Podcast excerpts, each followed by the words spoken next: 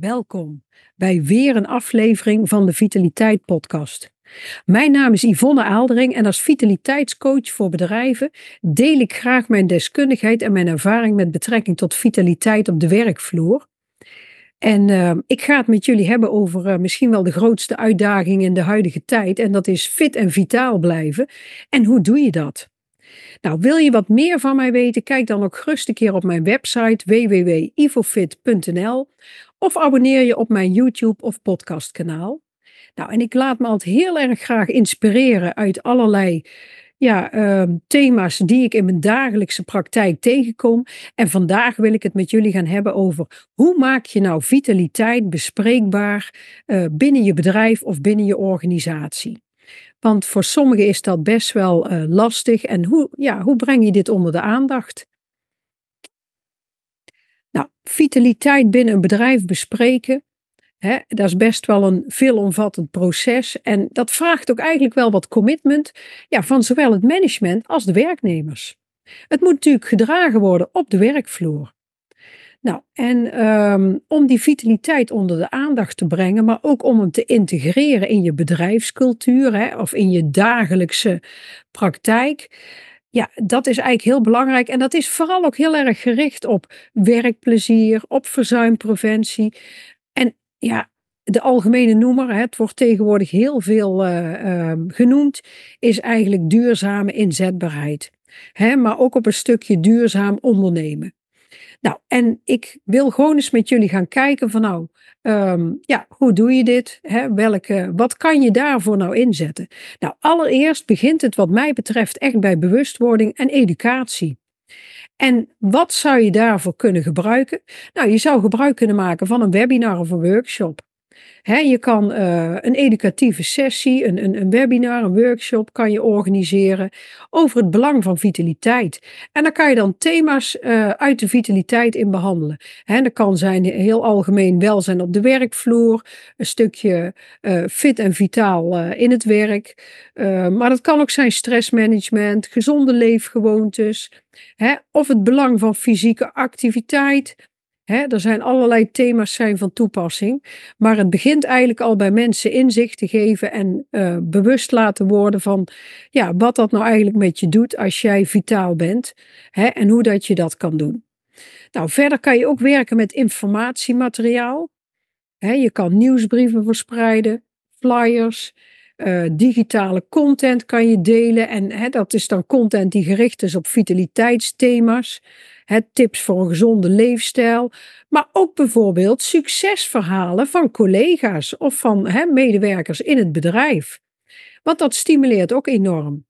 Nou, zelf uh, schrijf ik uh, bij een aantal bedrijven in de nieuwsbrief uh, iedere maand een, uh, een thema. Maar um, daarnaast um, stuur ik ook bijvoorbeeld via WhatsApp of via nieuwsbrieven stuur ik vitaliteitstips. En als het gaat om workshops, ik geef allerlei workshops die vaak heel erg inspelen op de behoeften. Nou, en dan moet je denken aan, uh, pas bij een bedrijf heb ik een, uh, een workshop gegeven en dat was gericht op uh, jonge ouders waar veel verzuim was. En dan zie je dus dat, hè, um, ja, dat je dan te maken hebt met allerlei dingen die te maken hebben met jonge ouder zijn. Je bent werknemer. Je hebt soms gebroken nachten met kleine kinderen. Je kind is wel eens ziek. Je moet zelf ook in balans blijven en fit en vitaal. Je bent soms nog partner.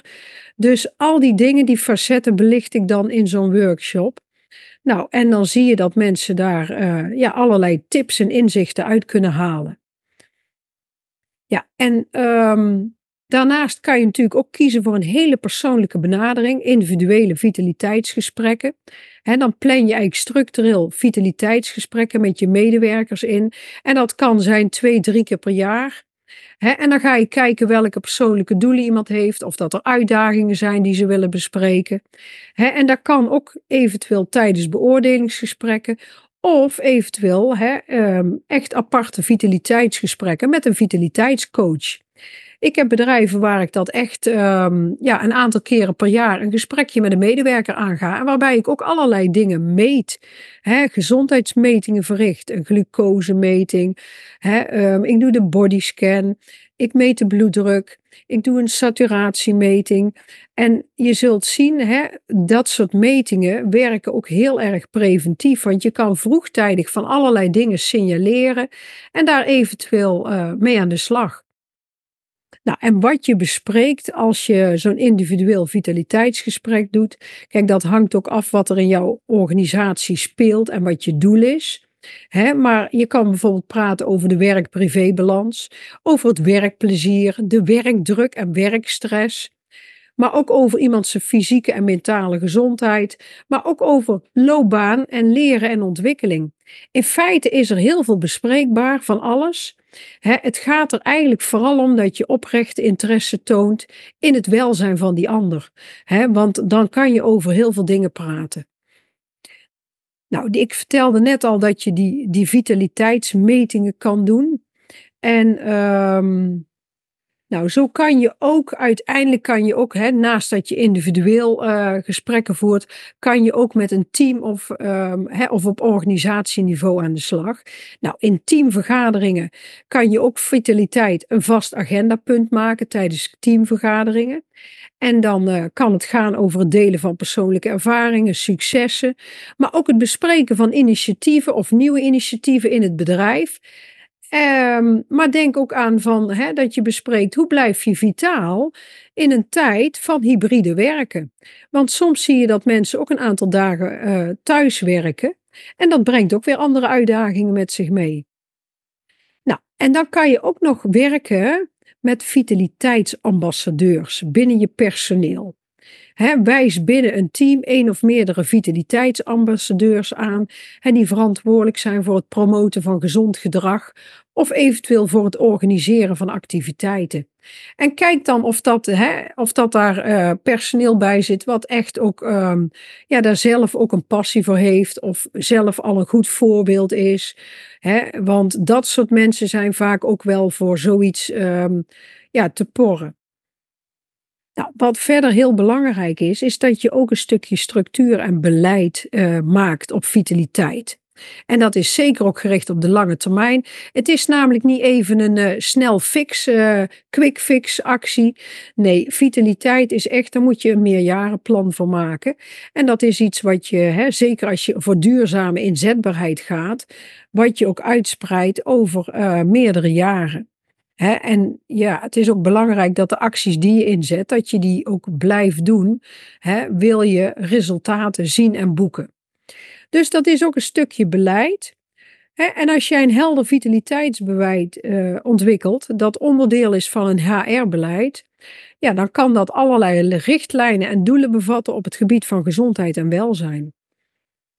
Nou, en zo kun je dus ook in zo'n beleid kan je ook werken met bijvoorbeeld flexibele werkregelingen. Die kan je beschrijven, die kan je aanbieden aan medewerkers. En dat betekent dat um, die werkregelingen die flexibel zijn, dat dat eigenlijk een gezonde balans tussen werk en privé bevordert. En dan moet je denken aan flexibele werktijden, maar ook de mogelijkheid tot thuiswerken, het stimuleren van bewegingspauzes, dat mensen bijvoorbeeld onder werktijd kunnen gaan sporten. en dat ze, of dat ze ehm, ja, hun werktijd flexibel indelen. Hè, nou, en dan kijkende naar wat voor iemand uh, het beste werkt. En soms kan dat ook wel eens te maken hebben met dat iemand eerst kinderen naar school wil brengen. Hè, en daarna zijn uh, werkdag opstart. En je ziet dat mensen dat vaak heel erg waarderen. Hè, en dat dat zeker op de lange termijn zich echt terug uh, betaalt. En dat het echt loont. Nou, het is goed om ook een stukje feedback en evaluatie toe te passen dus kijk ook of dat je iets kan creëren waardoor medewerkers ook feedback kunnen geven over een vitaliteitsbeleid en de activiteiten die je inzet. En dat kan zijn via uh, enquêtes, maar ook uh, suggestieboxen of een ideeënbox waar mensen ideeën in kunnen doen. Of eventueel ook een feedback-sessie of in het teamoverleg terug laten komen en kijken of dat de dingen die je inzet, of dat die ook op de werkvloer gedragen worden en of dat mensen daar enthousiast over zijn hè, en of dat ze er gebruik van maken.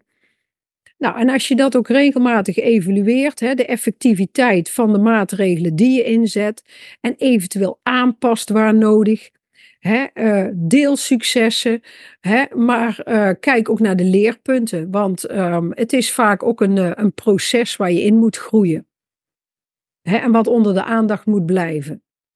Nou, je zult zien als jij het belang van de investering van vitaliteit inziet, hè, dat dat zich uh, terugbetaalt in uh, verzuimpreventie. Hè, want een gezonde werkomgeving vermindert het ziekteverzuim, hè, wat direct en indirecte kosten voor de werkgever bespaart.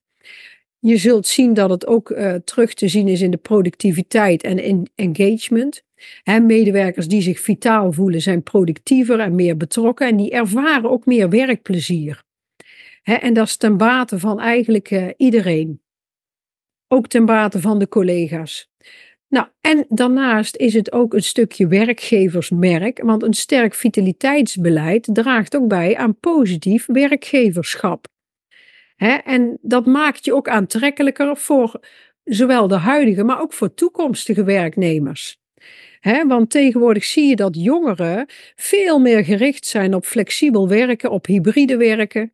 Ik heb zelf een zoon die op dit moment uh, een maandje naar, uh, gaat backpacken in, uh, in Thailand. Hij is daar net aangekomen.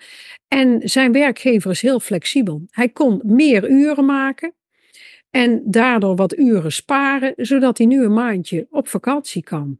Ja, ik vind het heel slim van die werkgever dat hij daarop inspeelt. Want dat maakt het voor de werknemers heel aantrekkelijk om daar te werken, omdat er heel flexibel met uren omgegaan wordt. Duurzaam ondernemen, he, daarmee laat je ook zien dat je investeert in de vitaliteit van je medewerkers, je investeert in de duurzaamheid van het bedrijf, ook op de lange termijn. He, en dat, uh, ja, dat is ook een stukje goed werkgeverschap. Maar duurzaam is ook uh, heel erg, uh, op dit moment heel erg actueel. Dus je zult zien als je met vitaliteit in je bedrijf aan de slag gaat, hè, dat dat, um, ja, het vereist allereerst natuurlijk wel een aanpak, een strategische aanpak.